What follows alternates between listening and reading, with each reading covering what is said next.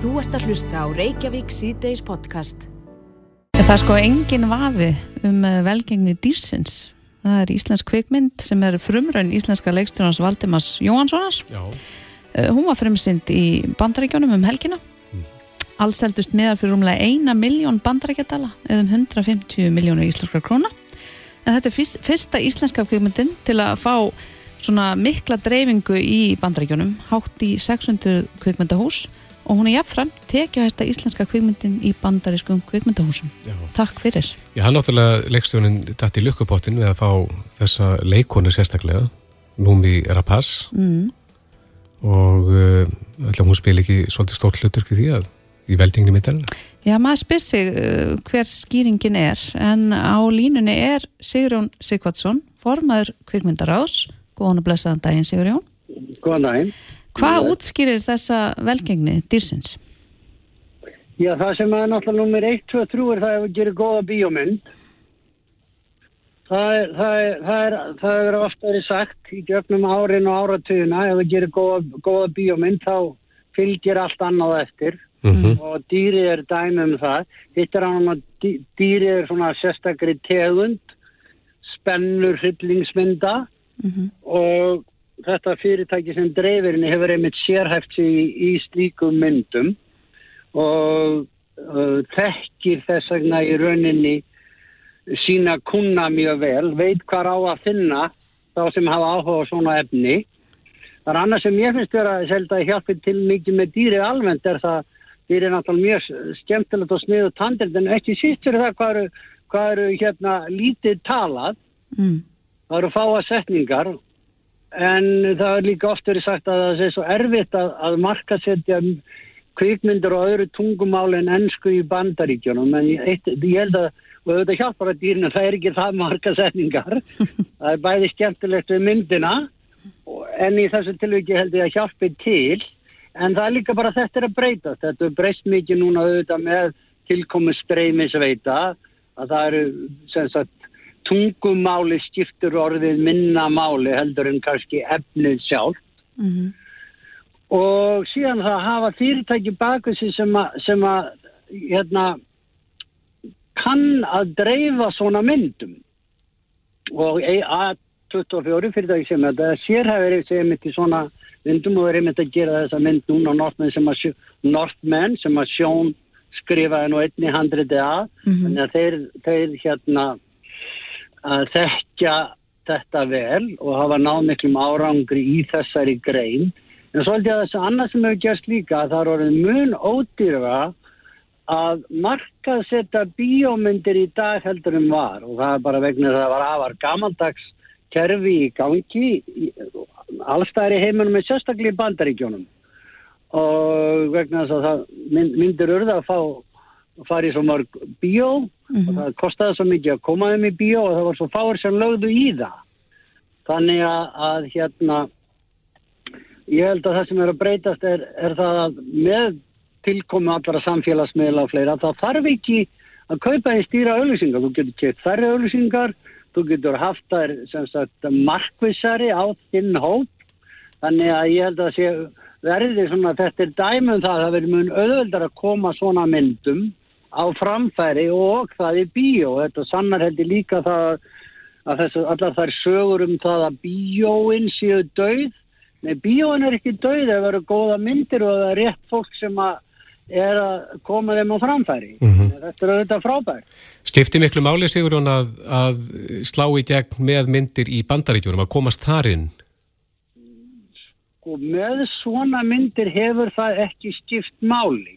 Hitt er að mála nú fyrir aðra sem er að gera myndir eins og þessa eða segjum bara erlenda myndir sem einhvern veginn hafa skýrskotun til ameríska hérna, kveikmyndahús uh, uh, þeirra sem fari í kveikmyndahús að þá held ég að, þetta muni aðeins opna augu fólks fyrir því að það er, að, að það er hægt að fá meira fyrir slíka myndir heldur en áður var hægt. Ameríka var svo lélögu markar þegar menn svo alltaf það er svo dýrt að markasetja að við eiginlega bara getum ekki borgað ykkur neitt fyrir myndina. Við skulum bara þakka fyrir að við setja hann í bíó. Þannig að ég held að, að þetta, þetta sé kannski, já, þetta er þetta fyrsta mynd sem við fylgjast með ekki bara íslensk heldur svona erlend svona ráði eftir COVID sem er sett svolítið kraftur í og þannig að þetta er þetta náttúrulega frábæra árangu fyrir Ísland er, en í heilt er þetta allt saman bara held ég mjög jákvæði þróun. En þú nefnir einmitt COVID, þarna, hefur það stift máli varandi hvernig þessari mynd gengur núna? Hefur, hefur andrúnslófti eitthvað breyst í kjölfar COVID? Já sko, ég held hefur COVID náttúrulega er, er ekki komin tilbaka svo kvikmynda uh, húsa menning sem var fyrir COVID en, en í rauninni lungu fyrir COVID var það að byrja að gerast í Ameríka svo menning sem þau höfðu, hún var í rauninni að rinja vegna þess að bíóin hafðu ekki kannski fylst með þeirri þróun sem var að gerast annar staðir í bíólöndum. Mm. Þannig að, að hérna að COVID var bara þessi litla þúa sem veldi því hlassi mm -hmm. Og þannig ég held að það verður endur skipulægning á öllu kvikmyndahúsa dreifingakerfi held í bandaríkjónum framöndan og bæðan það er svo stórt og mikið og það var orðið bara alltaf þungt í vöfum og ósveigaleg. Mm -hmm. Og ég held að kannski þetta bara einn fyrsta myndi sem að ég held njóti góðs af því að það er hægt að gera þetta á réttan há og gera þetta vel með réttamyndir án þess að sem ekki tilkostnaður mm. Þannig að fólk mun ekki þannig ekki hætta að sækja kvikmyndahúsin þó að allar þessar streymis veitur standa okkur til bóða Það er eins og ég segi, fólk fer ennþá á brotvei, fólk fer ennþá í, fólk fer ennþá í leikhús, fólk hlustar ennþá útvarp. Ég, ég, og ég held að þetta sé að það er þannig að ég held að þetta sé enn eitt merki þess og það er auðvitað annar merki þess að bondmyndin sem er auðvitað al, svona al, almen, almennara eðlis og, og þekkt vörumerki að hún er að opna mjög vel allstæðar í heiminum og príðilegi bandaríkjónum mm -hmm. þannig að þetta sýnir bara það nei nei, fólk vil fara í bíó ef þú framlegir góða bíomöndir og finnur þinn áhörundahóp þá vil fólk koma í bíó mm. Eh, hvernig er biobransin á Íslandi núna og framtíð hans? Er mikið í gangi? Er mörg verkefni í gangi? Já, það er fullt af verkefni í gangi. Þannig að hérna, auðvitað er ekki magn endilega gæði en það er bara sínir það hvað mikið groska og mynd eins og dýri dregur svo vagnin fyrir margar aðrar Þannig að ég held að íslensku myndum verði síndur meiri áhug en þetta auðvitað búið að vera að gera kannski undanfarið já, ég var að segja 5-7-8 ár já. íslenska myndir hafa floti svona já, verðu aðtekli ellendis og gert ágætt í bíó eins og kona fyrir stríð, hrútar og fleiri myndir mm -hmm. Eru einhver verkefni sem er í gangi núna eða er að fara að stað sem að við eigum að fylgjast kannski sérstaklega með? Já, þau eru bara svo mörg að ég er ekki, búin, er ekki tilbúin til þess að, að fara í, í hérna til þess að telja þau allu upp svolítið að einhver glemist ekki en til dæmis ég veit að hann á koma svar við brefi Helgu sem er byggð á náttúrulega þekktri bók svo er að koma myndið Sömarljó sem er líka byggð á þekktri bók þetta eru tvær stóra myndir það eru margar myndir svo, þannig að hérna ég held sér fjóra fimm myndir sem þurfa að fylgjast með en þessar tvær eru held ég svona á loka sprettin mm -hmm. Eitt eitt kannski aðeins í lókina því að nú hefur verið að fara frum sína leinilökunna. Já, ég tala ekki um. Sem að, sem að er svona lítur út til að vera eins og bara bestu, besta Hollywood framlegsla. Hef, hefur þú eitthvað séð af því? Ég menna þetta er raunin kannski fyrsta síðan sem svona myndi gerir hér, hér heima. Mér finnst að það er eftir bara mjög sniðut. Það vantar svo leiðist það, það, það er oft gerðar svona myndir í löndu sem eru kannski starri en við en til dæmis meira sér í Danmark og Nóri eru svona myndir eins og leinulega og það er ganga mjög oft vel á sínum heimamarkaði þannig að ég held aftur fyrir þetta á myndinu að fá fínt umtal, fína dóma og er með fína leikara mm -hmm. og, og Hannes skemmir ekki fyrir þannig að ég held aftur að, að, að hún séu þetta það næsta sem að verði spennand að sjá í bíó Já, einmitt Við græðum á því að heimurinn er að minga í þessum efnum en uh, Sigurðan Sigvardsson, formaður Kvikundarást, takk helga fyrir spjallið. Sumulegis.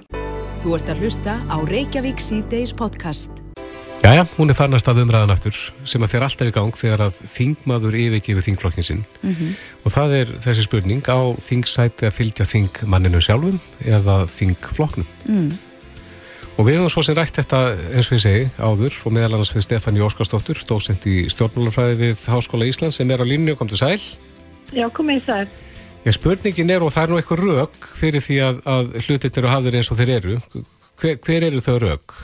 Jú, sko, það er gengið út frá því í okkar stjórnarskrá að þingmaður sé ekki bundin á öðru heldur en sinni samfaringu. Mm En eins og þið segið að þá er listakostning, þannig að fólk er kosið inn sem hluti af liði. Einmitt.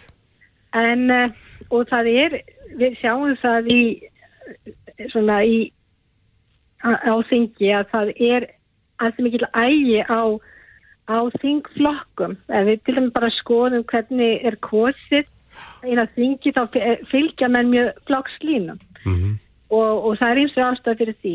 En, en, en sko ægin er þið enn meiri ef að þingminn ætti það að hættu að missa þingsæti sitt ef þeir settu sig eitthvað upp á móti þingflokknum sínum og til dæmis þarna e, já, væri reiknur þingflokk og þar lendi væri í rauninni kannski búin að missa þingsætið. Þetta er eitthvað sem tekjum frá Rúslandi. Þar missa þingmenn bara sæti á þingi ef þeir eru reknir úr þingflokk eða ef þeir yfirgefa þingflokk. Þannig að það fækkar þá bara á þingi Nei, þá, nei, þá færst þessi, þá, þá myndi þingflokkurinn fá bara nýjan inn, þú veist, bara maður kem, myndi færast inn. mm Þetta með öðrum orðin kemur svo, slík regla myndi þýða það að ægi fórustunar, þing, hérna, þingflokksformars eða formarsflokksins myndi aukast miklu meira heldur en reyndin er. Ef, að, ef það þýtti sem sé að, að það veri þetta ef þetta reyka þingmannu þingflokki og hann missi þingsæti sitt eða ef hann ákveður að yfirgefa þingflokka einsum ástæðan að þá sem sé þetta af þingi. Eh, Já, það segir sér sjálf, það er sem sé í þessu kerfi sem við höfum og bara þekkist í að er í kringum okkur líðarsvíkjum að þá, þá eru þingmenn frjálsir sem við til að láti ljósina skoðun. Mm. þó svo við sjáum oftast næra þeir hérna fylgjan og flokkslína Mm en það er margt í, það er margt í sko húfi í, í, í, í nútímanum þegar kemur að tölu uh, eða stærð þingflokks hann var fyrsta lagi sko stjórna meirlitin, hann, hann, hann þarf á öllum þingmunum að halda til að tryggja meirlit á þingi en það er ekki bara það, það er líka það að það er svo miklu fjárherslega hagsmunu í húfi Mm. Hvernig þá? Jú, það er vegna þess að stjórnmálaflokkar hérna hefur okkur í Íslandi og mjög bara viða í í kringum okkur þeir njóta stuðnings frá ríkinu, fjárstuðnings og eiginlega mest að þeirra því kemur í rauninni frá í gegnum þennan ofnbæra stuðning. Og stuðningnum, eh, fjárstuðningnum er, hún er dreift á grundvilli þingsæta. Þannig að, að það er skakkafall fyrir lítið þingflokk eins og til að mynda miðflokkin sem taldi þrjá, eh, hefði talið þrjá að missa eitt þingmann strax fyrir borð þá, þá þýðir það að fjármögnin eh, dregst fram að því því nemur Mm. en færist auðvitað sjálfstæðisflokks En núna er náttúrulega ekki að sama að vera rekin úr þingflokki og að uh, hætta sjálf vilju- viljugur í honum. Um, þannig að það er rauninni engin munur þar á þegar, að- þegar að kemur að lögmálinu og, og, og lögunum. Nei, það er bara litið svo á að þingmaður þessi bundin eigin samfæringu. Það, ge- ég meina, oft reynist að þingmönnum erfitt að beigja sig undir vald e, flokksfórustunar. Ég, ég get nefnt bara dæmi frá kjörtumabilinu 2009-13. Þá voru ansi margir sem gengur frá borði. Mm -hmm. E, það er að segja yfirgáðu þingflokk e, Vafki. E, ég minni til þess bara á hann ásmund Einar Daðarsson sem Mhm. gekk úr Vafki í framsók.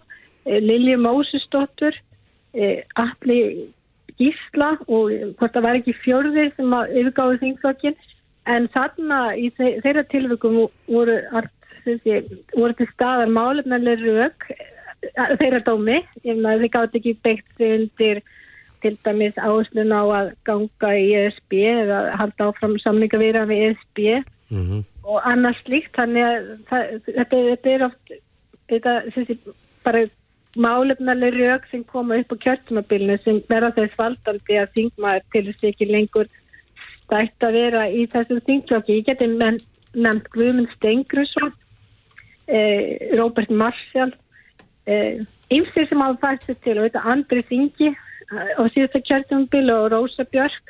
Mm -hmm. þetta, þetta, er mjög, þetta er ekki óalgengt í rauninni og sérstaklega ekki núna á allra síðustu áru.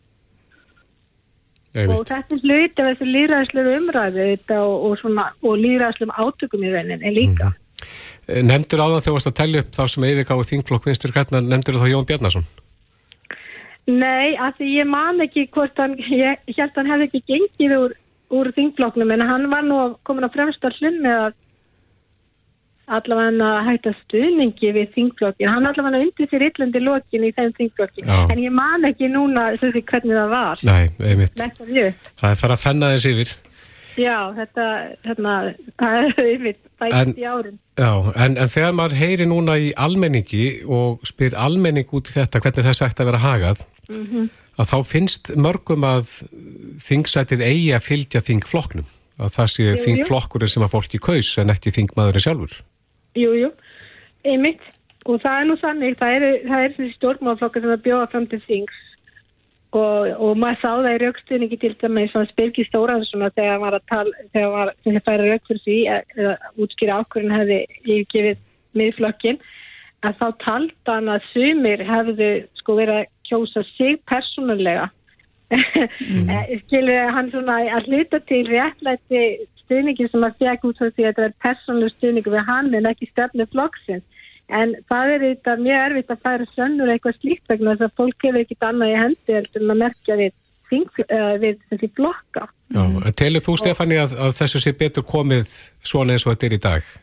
Já, ég held það vegna þess að, að, að hérna að innan þingflokkana þarf þetta að geta ásýst að heiðarlega og málöfnarlega umræða, þingmenn þurfa að geta verið óhætti við að segja sínu skoðum bóðir á endan og kannski beigja sig undir meirleita vilja þingflóksins en það geta komið upp það er aðstæður að, að þingmaður tellir sér ekki annað bara að hann upplifir það einhvern veginn að hann, hann get ekki lengur unni með þessum hópu, hann færir sig yfir mm. og þannig, þannig ég myndi ekki mæla með einu breytingum þarna á Nei, er ekki ágætlega spennandi að vera stjórnmálafræðingur í dag? Það er alltaf spennandi að vera stjórnmálafræðingur og ég mæli með bara því bæi leiður höfur Já, og sérstaklega kannski spennandi tímar í dag. Já Margt nýtt já, já. að gera sem að kannski ekki forðan verið fyrir. Já, ég segi það nú ekki vegna þess að til að mynda þetta sem við erum að ræða núna er, er hérna eitthvað sem við vist séð áður, aftur, aftur. Og við rauninni komum með þessi vistaskipti hans byrgis bara alls ekki óvart. Ég hafði nú, séð það í hendi mér að það var nú líklegt að einhver slíkt myndi gerast. Hérna bara með, þar að segja með svona lítið þingflokk eins og, eins og, eins og miðflokkin mm. að það er ekkit ólíklegt og hvarnast enn meira uppbúrunum á kertingbilin það hafði ég nú sagt bara hérna strax eftir kostningar Já, Já það, þetta er við erum væntalega eftir að varpu þessar spurningu aftur einhvern næsta árum Já, já, alveg En uh, Stefáni Óskarsdóttir já. já, það eru alltaf einhverju breytingar sem er gott. Uh, Stefáni Óskarsdóttir, dósendi í stjórnmálafræði við Háskóla Íslands, takk hjálpa fyrir spjalli Já, takk, takk. Þetta er Reykjavík C-Days podcast. Jæja, Reykjavík síðteis, það eru margir draugar fortíðar og við hefum nú rætt í dag um uh, hérna, atkvæði, hvort atkvæði að fylgja þingmann eða þingflotti mm -hmm. En það er annar draugur sem að kemur regluleg upp og það er þetta með sömarhúsa eigendur og uh, réttindi og skildu sveitafélaga hvert þeim mm. og svo þegar náttúrulega þessi gamli draugur af hverju má fólk ekki skrá lögheimili sett í sömarhús eða sömarbústæði það sem það er, bara mm. vill búa mm -hmm. En uh, á línunni er Sveit Guðmundsson, formaður landsambands Sumur og segjanda, kom til sæl. Já, bless, bæðið þau. Það uh, byttist grein inn á vísi núnum helgina uh, sem er skrifuð af Haldóri Sigursinni þar sem hann er einmitt að velta þessu fyrir sér þar að segja skildum sveitafélag gagvart Sumur og segjandum sem að greiða sína, sín gjöld fyrir að fá að vera á þessum svæðum. Já. Þetta er nú ekki fyrsta sinn sem að þessu umræði kemur upp. Nei, hún kemur alltaf upp reglubundið en eh, við horfum þannig á það að við erum að njóta jafnræðis í öllu tjónustu á við aðra sem greiða fastegnagjöld til sveitafélaga og það vil nú svo til að í stærri sveitafélagum sem eru þá Suðurlandinu þá erum við með stærsta safni þar varandi fastegnagjöld og það skapar mikla tilgjur hjá þeim. Mm -hmm. og móti eins og erum við ekki að fá neina sérgrunda þjónustu sem við erum að kalla eftir til að mynda þá þjónustu sem fán og það er til að mynda seirulósun og sorpirða en við greiðum sérstaklega fyrir það með seglunum sérgrund þjónustu gjöld. Sorpirði gjöld og svo seirulósun Og, og það má alveg segja það að það hefur verið brotalöm í ferri þjónustu líka frá fyrir tíma. Við hefum kallað eftir, eftirliti og annað og betri niðurstöðu oft, oft á tíðum og um tíma voru við bara sennilegst ríði að fá að hafa þá gáma sem voru settið niður þar hér í nándu svæðin og við unnum það málrendar en það hefur ekki samt skilað sér tilbaka allstaða sko. Nú, Eh, og svo eins með, þú nefndir áðan þarna einmitt með lögheimili mm -hmm. lögheimili skráningu eh, við rættum þetta á sínum tíma við, eh, ég fór á fund til ráðunetta og, og sko eftir að það er sett stjórnsýslu nefnd sem var sett niður til að fara yfir þennan málaflokk mm -hmm. Og hún komst að niður stöðu í samræmi við það sem við taldum best að þarna væri eftir að hafa þá lögheimili með takmarkari þjónustu þá væri fólk þar niður sett þannig og nefndin mælti með þessu en það voru sveitafélagin sem fór á mótur þannig að mm. þetta varði ekki niðurstaða þó að við höfum svona vinningi fyrsta fallinu. En er það ótti við þennan kostna sem aflitist þar að segja að, að þá myndu skildur gagvart þessum uh, íbúum aukast? Já, e, við höfum ekki fengið eins vör en það er nú meðlans, það hefur rætt og líka hitt að það myndi kannski skekkjast aðeins svona valda hlutvöldin í sveitafélagunum kostningarétt og fleira sko. Mm. Það hefur líka heist að það væri ykkur skýring sem hefði líka vegið þúnt í, í metum, í matið þeirra þegar þið voru að ræða þessi mál kakvært nefndinu sko það, það heyrðu við Vilja menn þá meina að þeir sem í sömurhúsa þeir séu þá líklega til að kjósa eitthvað eitt stjórnmála umfram annað eða? Já, þetta var svona umræðan en það fór aldrei neitt sko neitt í á pappir en neitt en þetta er náttúrulega að vita menna að þetta er svona mögulega eitt aðriði sko. Mm, Eitt af mörgum. Svo þegar við göngum á sveitafélagum hvaða þjónut er það þá fyrir allan að penings við erum að greiða? Mm. og þá er sagt, já, já brunavarnir brunavarnir, nei, það er enga sérstakar nærtaka brunavarnir nema bara á viðkomandi í sveita félum, til dæmis bara á selfossi, það er jú, það er, það er miðlægt en það er ekkit sko í nánt við svæðin sjálf. Þannig að við settum niður nefnd eftir mikið, mikið fing brunavarnarfing mm -hmm. og í þessu nefnd satt ég meðal annars í nokkur sjö áhaldi og við unnum vel og mikið komum við niðurstöðu sem við settum á netið gróðurelda.is og þar eru við að leggja til leiðir og, og að skipilegja þetta, búa til bruna holv og fleira og fleira og fleira mm. og tryggja það sem nærtækt vatn til að sapna, í eða nálgast eða kemur komið beldar. Mm. Ég veit ekki til þess að sveitafjölun sé að tilenga sér það sem þar kemur fram. Ég veit ekki til þess. En í hvað þessi fastegna gjöld eða, eða skattar sem að sumarhúsa eigundur er að greiða til sveitafjöla, í hvað fara þessi peningar? Þau bara fari inn í innviði sveitafélagsins og uppbyggingu þar, kannski skóla eða eitthvað fílikt eh, og annað sem stýr bara sveitafélags sjálfur sko en ekki beinta okkur sem fasteignajöndum á svæðinu. Mm. Hann Haldur kemur einn inn á það inn í, í þessari greinsinni að, að eh, það sé hækkun á þessum skatti, þessari fasteignaskattinum Hann er bara bundin eh, hlutum sem að fólk ræður ekkert við og nefnir hérna nokkra eh, nokkur aðrið eins og að fjársterkir aðeila sem greiða nánast hvaða verð sem er fyrir regnina bæjar og sveitafjölu dragu frambóð og lóðum svo eitthvað sem nefnt. Mm -hmm. þannig að þetta er eitthvað sem að fólk hefur engin tök á að stjórna. Nei sko þannig mittir þannig potturinn brotin sko því að það sem við þyrstum að fá í gegn og erum að vinna í núna að skoða það að verðmatt egna, fastegna verðmatt, það endur spekla síðan eh, þann stöðul sem þið geta lagt á okkur með fastegnagjöldin. Mm.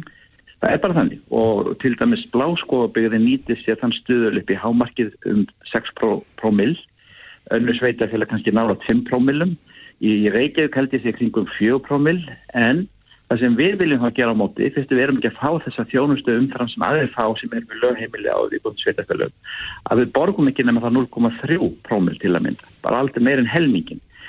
Því að við getum ekki haft áhrif á verðmatið, það er bara miðast við það hvernig eignið seljast á hvað verð og svo framvís. Mm.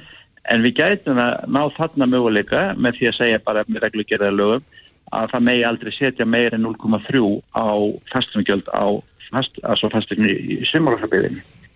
Þannig er hún séans kannski. Já, hefur þessi möguleiki verið rættur á, á hærri stöðum? Við, já, við erum að taka núna umræðina aftur núna. Já, og seti þetta þá kannski átinn?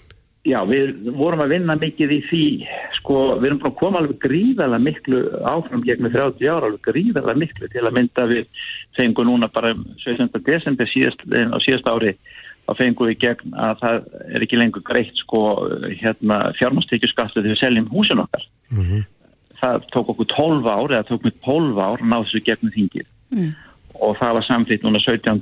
desember síðast ári og það gildi fyrir það allt ár og til framtíðar að ef fólk selur núna húsi sitt þá borgar ekki skatta, sko fjármastekjuskatt. Mm. En það gætir verið bara í mörgum tilvíkum marga miljónir sem það síðan áhrif líka á tryggingastofnun og greiðslu það.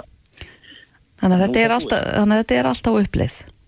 Við erum að vinna í mörgum ánaflokkum og mörgum sviðum og erum að reyna að gera eins vel og við getum. Mm. Að endur nýja umræðuna um uh, lögheimilisbreytinguna, að, að hún verði heimil? Já, það er það sem við teljum að eigi að vera mögulegt, hvað sko, við eigum að fá það í gegn og við erum að vinni því líka núna að, að endur skoða þetta og fá þetta eitthvað skilning sambandi við þetta, því við erum þetta bara réttlætismál. Já að fá þetta í gegn. Og ég vona þess að sannlega að það tæk ekki 12 ár. Nei, ég, við, við vonum að eitthvað gangi allavega vel í þessari barðu Sveit Guðmundsson, formaður landsamans Sumarhús eiganda, takk helga fyrir þetta fræðandi spjall. Já, bestu það ekki, alltaf veg Reykjavík síðdeis á Bilginni podcast Jæja, Reykjavík sýtis, ég rakst hérna á frétt inn á mbl.is sem að segja af tilrunaverkefni sem að þeir hjá AHA, heimsendika þjónastunni eru, eru með í gangi og hafa verið með núna undanfærin ár. En það er að skuttla vörum með drónum mm. á milli staða. Mm -hmm. Og það vekur náttúrulega upp spurningur af það, hversu langt er þessi tækni komin? Emmett. Og uh, er eitthvað sem að býða núna handan við hodni sem að á eftir að, að sprengja þetta upp allt saman. En á línunni er Jón Haldur Arnason, hann er drónaverkvæðingur, kom til sæl. Sæl. Já, þú þekkti þetta verkefni AHA, er þetta ekki spennandi verkefni sem að, sem að líti vel út? Þetta er mjög spennandi verkefni og mjög gaman að, að það skuli vera vettfanga til þess að prófa þess að tekna hér á landi. Um, það er náttúrulega bæði Google, Amazon og, og, og DHL og fleiri eru búin að vera að þróa þessu tækni náttúrulega núni töluverðan tíma og þetta er svona kappleitnum hver kemur fyrst með sjálfbæran búnaði í þessu að þetta spara gríðarlegan tíma, peninga og allt saman að geta gert þetta allt sjálfur mm -hmm. eins og pakka þjónusta innanbæjar og fleira og ég til dæmis veit af því að þegar ég var í náminu úti í Breitlandi 2016 að þá var Amazon komið með leiði þarna fyrir einhverja hundra staði sem við máttu senda út pakka á. Það sem AHA hefur verið að gera hér, ég veit að þið byrjuði með einn áfangastaf um, hérna upp á Guðunessi þar sem þið voru að, að senda drónan þá sjálfvirt og, og síðast þegar ég vissi að þá voru þeir allavega konið með átta staðsetningar mm. um, mismöndu stöðum í Reykjavík þar sem þið voru að, að senda svona á og, og það sem að kannski hægt að segja um þetta er að tæknin í raun og veru fyrir þetta er öll komin og hún er til staðar mm. og, og það eru svona ákveðin öryggisatriði og reglugerðar hausverkir svona fullt af rauði teipi sem þarf að að vinna úr það, það, það þarf að vera hægt að treysta þessu mm. og, og eins og staðin er núna þá er það kannski ekki alveg 100% hægt að treysta því Er þetta alveg sjálf, sjálfvirt flug? Alveg 100% Þannig að það er engið sem að fylgjast með í myndavel og stýrir drónunum?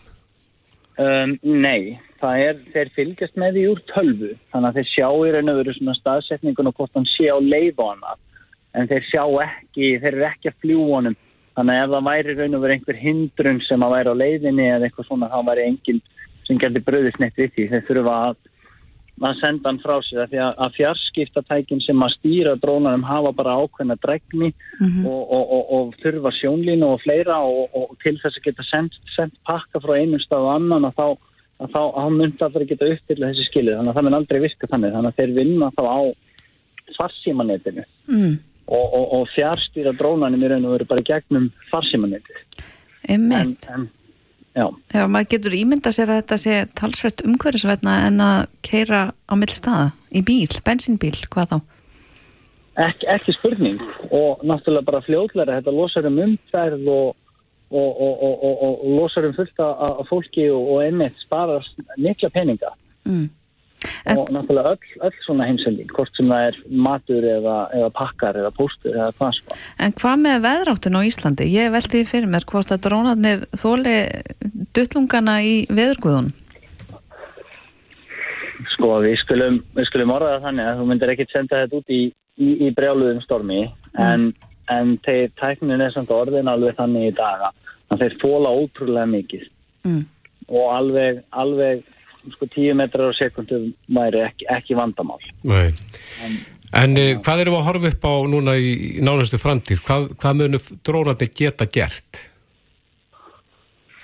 sko ég segi alltaf ein, ein, að þess drónatæknin er bara þannig stað að það eina sem er að hindra hana er ímyndunarhafli og mönnunum sem er að því eins og er um, drónar eru farin að leysa af rosalega mörg hlutverk bæði í alls konar mælingavinnu náttúrulega skoðunum á hinnu og þessu leitum á, leitum á fólki og, og alls konar það er náttúrulega er bara búnaðurinn sem er hægt að hengja neðan á drónan sem að sem að náttúrulega ákvarðar svolítið hvað, hvað hlutverki drónin getur gert, gert. Mhm. þannig að allur búnaður sem að krefst þess að maður sé í stiga eða utan á stillans eða eitthvað slíkt ef það er hægt að leysa það með búnaði sem er hægt að lifta upp það er til dæmis skemmtilegt skemmtilegt, skemmtilegsta hugmyndi kannski að minnast á eins og núna eru við konum með háhísa slökkvildistróna og það Já. er ri, risastór dróni sem að flýgur og tekur ströymin og línu niður og hann flýgur upp með brunaslingu og þeir geta notað hann í að slökka eld upp á 30. hæð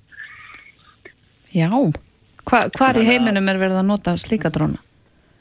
Um, það er á mörgum stöðum. Það er bara að þetta er verið að þróa þetta á mörgum stöðum og, og byrja að, að nota það í alvöru verkefnum en þetta er ennþá eins og maður segir alltaf, alltaf þróunist í og ekki orðið svona fjöldaframleitt ennþá en, en þið voruð að spyrja hvert er þessi tækna að fara og þannig er ég að gefa ykkur eitt gott dæmi Einmitt. um, um, um hvert þetta er að stefna sko. það er Já. bara, dróni er í raun og veru bara liftibúnaður og verkfærið er bara það sem hengir undir hann þannig að allt sem þú getur gert með því að lift koma einhver að herra upp getur gert með dróna og skalar það En hvað með flutning á fólki?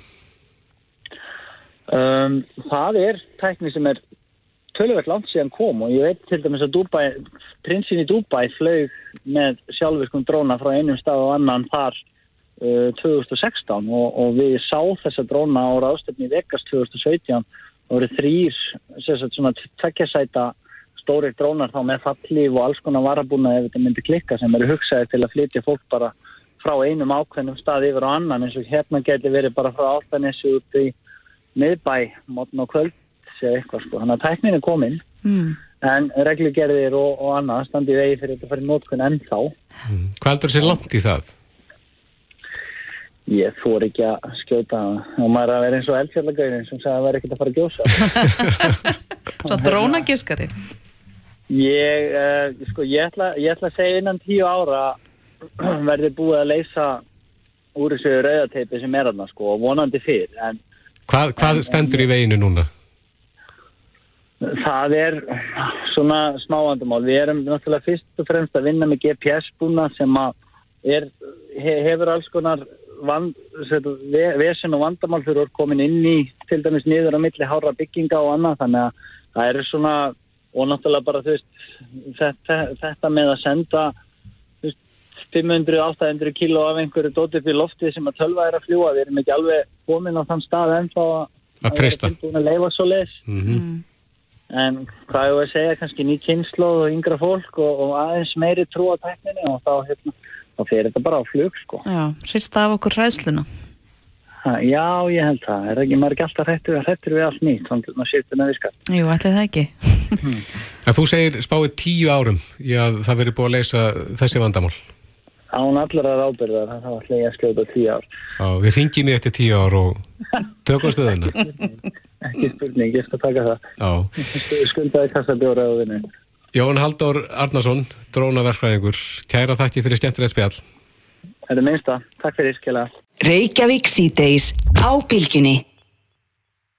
Við höldum áfram hér í Reykjavík síðdeis og það var hansi forvitnilega frétti sem bárust, já nú fyrir helgi, um hins svokallega Zodiac, morðingja.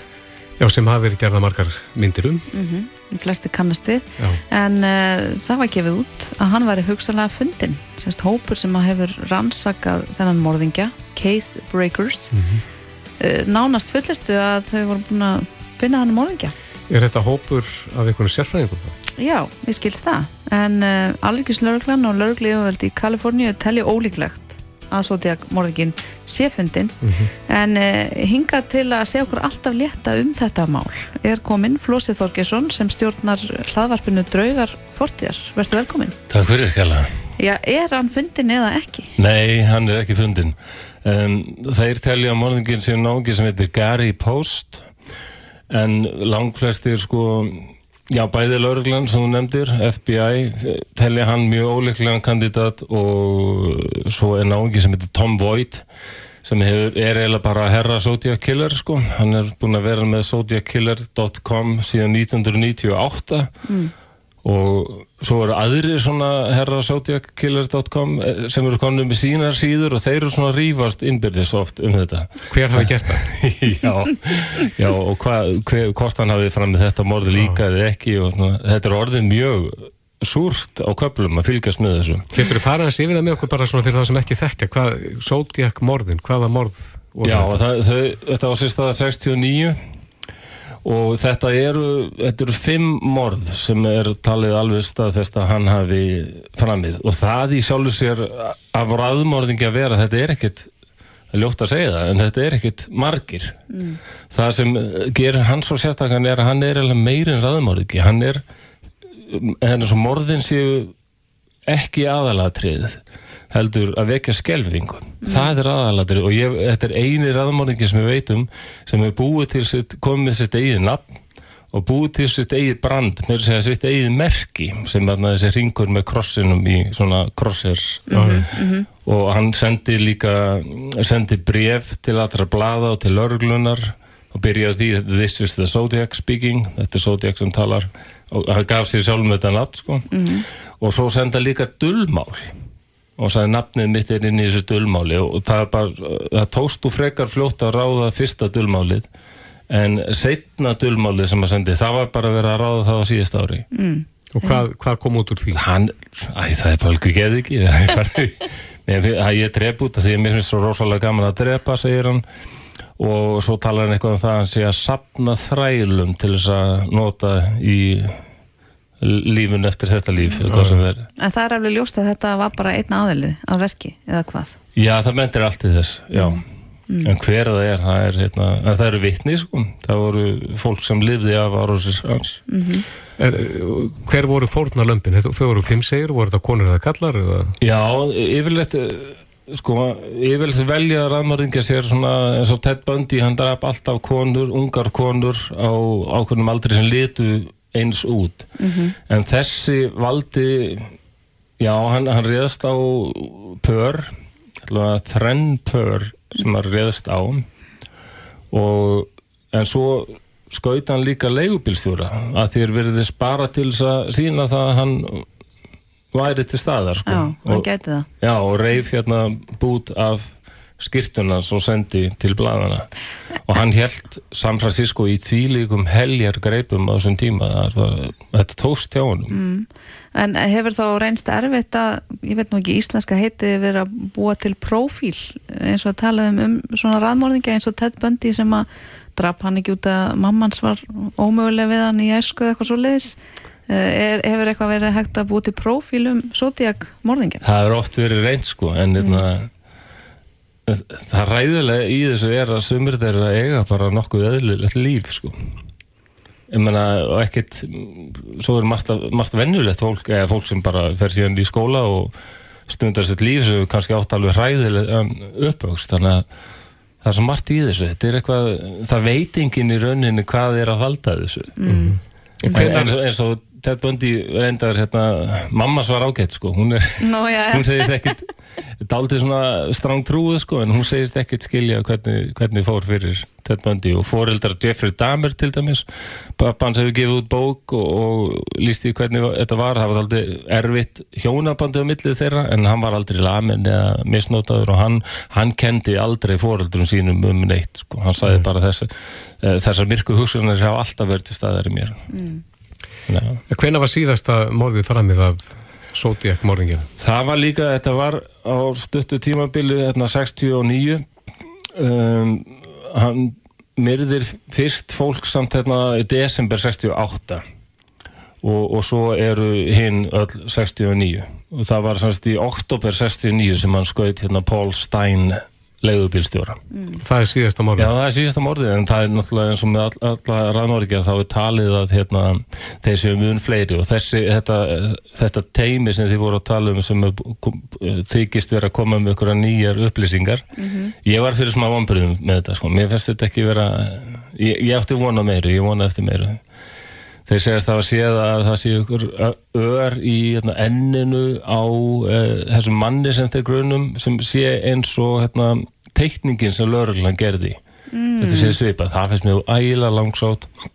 En svo gruna þá líka þeir eru alveg á því að Zodiac hafi líka myrt konu sem heit Cherry Bates árið 1966 mér finnst það nú reynda líka mjög líklegt en það hefur nú flestir svona Zodiac nördar yfirleitt verið trúaðir á það. En, og það vantar einhvern veginn svona eitthvað meira konkrétt frá þeim heldur en þetta, en þeir hafa nú sagt að og þetta er alveg rosalur hópur þetta teimir, þetta er alveg 40 hérna, fyrrum rannsóknarlauruglumenn og FBI fólk og alls konar fólk sko. Já, þetta er engin, engin áhuga menn Nei, þetta eru fyrrum allavega atvinnu fólk sko.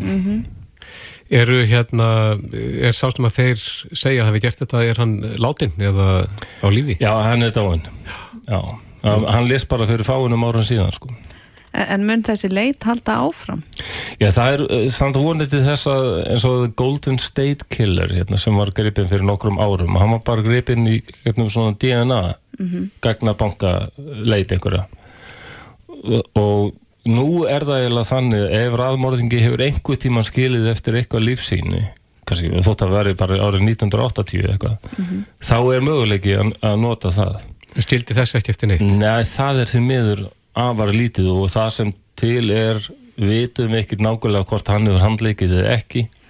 Það er sem sagt þarna þessi bútur úr skýrtu leigubílstjóran sem hann skaut þarna. Og svo er eitthvað eitthvað vonandi þess að þessi, þessi bref sem hann sendi þessi kannski mögulega eitthvað munnvatnið eitthvað á frímerkjanum og svo leiðis þetta, er- þetta er mjög langsótt og talið frekar erfitt og ólíklegt að náist eitthvað, eitthvað DNA sem hægt er að nýta því miður þannig að þetta var eftir að gera okkur brjáluð alveg í 100 ári viðbútt sko. Að þú ert ekki bjart síð.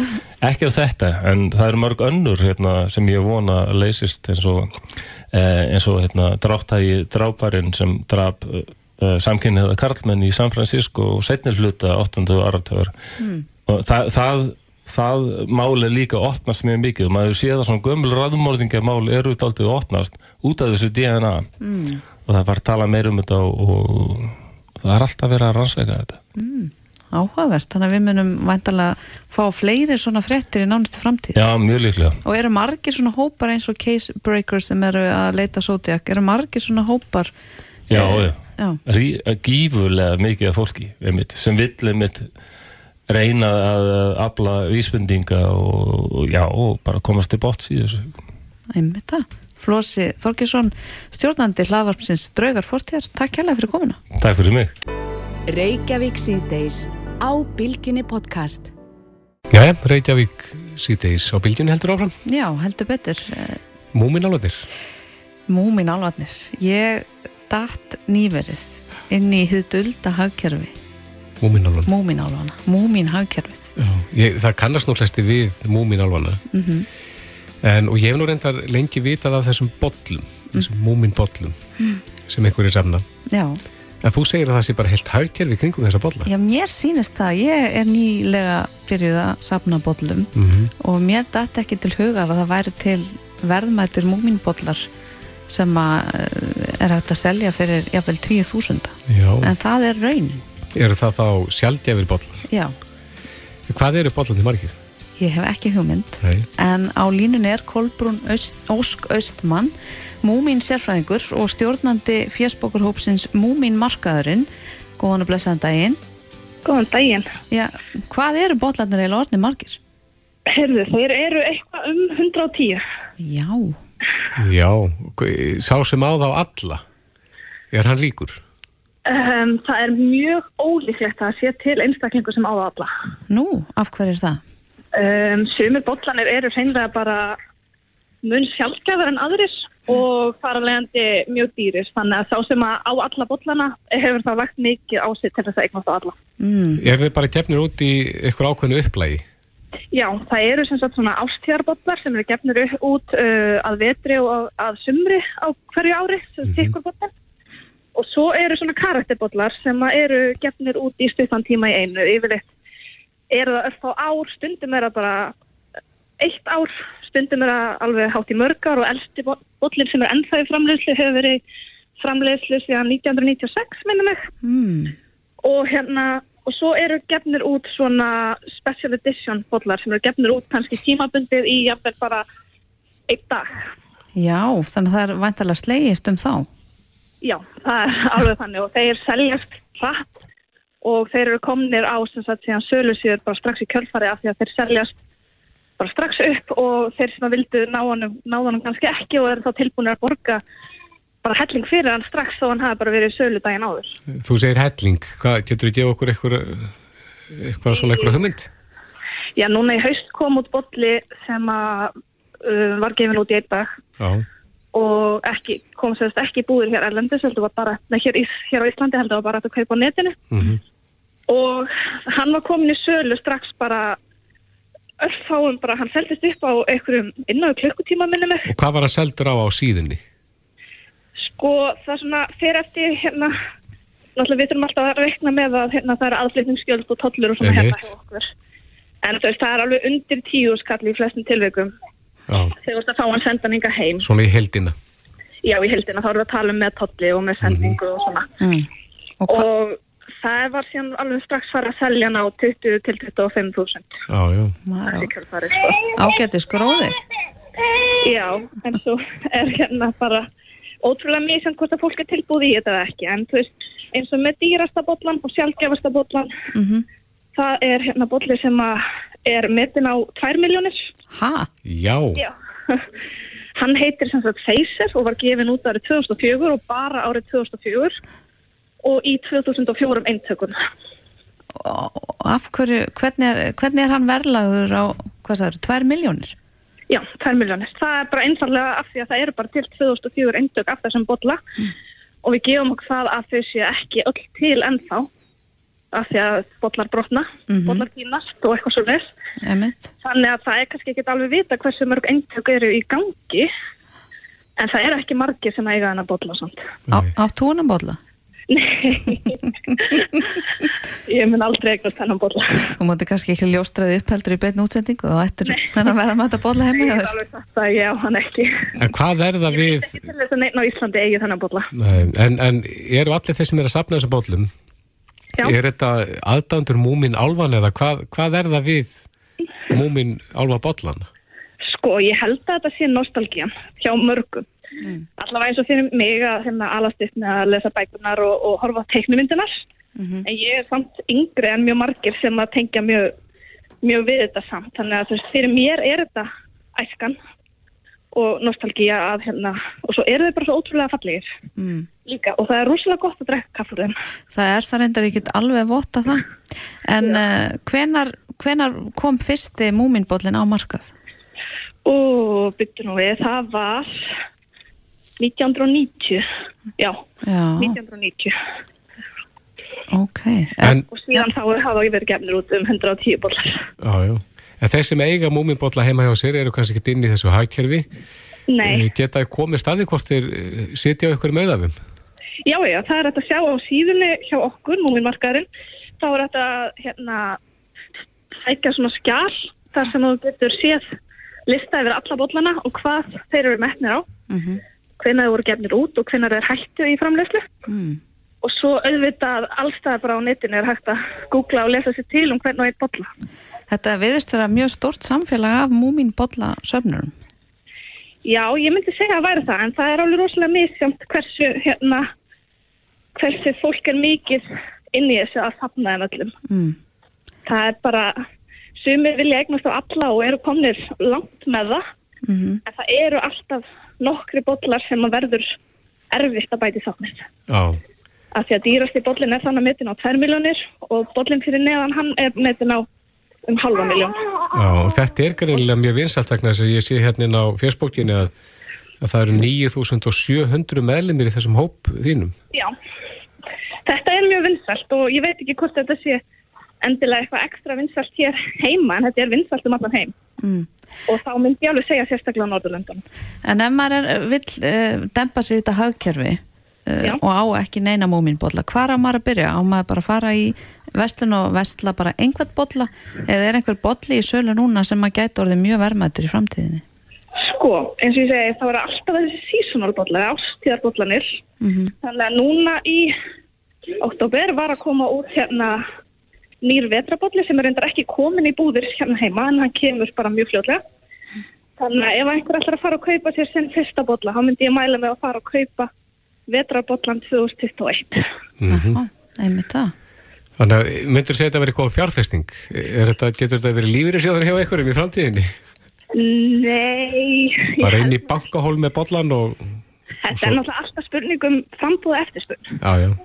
Það hérna, bolli er, eins og ég segi alltaf, bolli er bara í rauninni eins mikil virði og einhverju tilbúin að borga fyrir hann. Emitt. Þannig að hvort þetta haldi áfram í þessa átt er erfitt að segja til um en ég held að þeir muni halda áfram að gefa út þessa fallegu bolla áfram Emitt. og fólk muni halda áfram að safna þeim. Já. En Þetta hljómar, já, þetta hljómar ótrúlega. Kolbrún Ósk Östmann, múmin sérfræðingur og stjórnandi fjersbókurhópsins múmin markaður en það er nú þetta að kynast þessu nánar þar inni. já, Takk hérlega fyrir spjallið og við býðum bara spennt eftir vetrabollanum í oktober. heyrðu, frábært, takk hérlega. Takk, bless, bless. Takk, bæ. Þetta er Reykjavík C-Days podcast.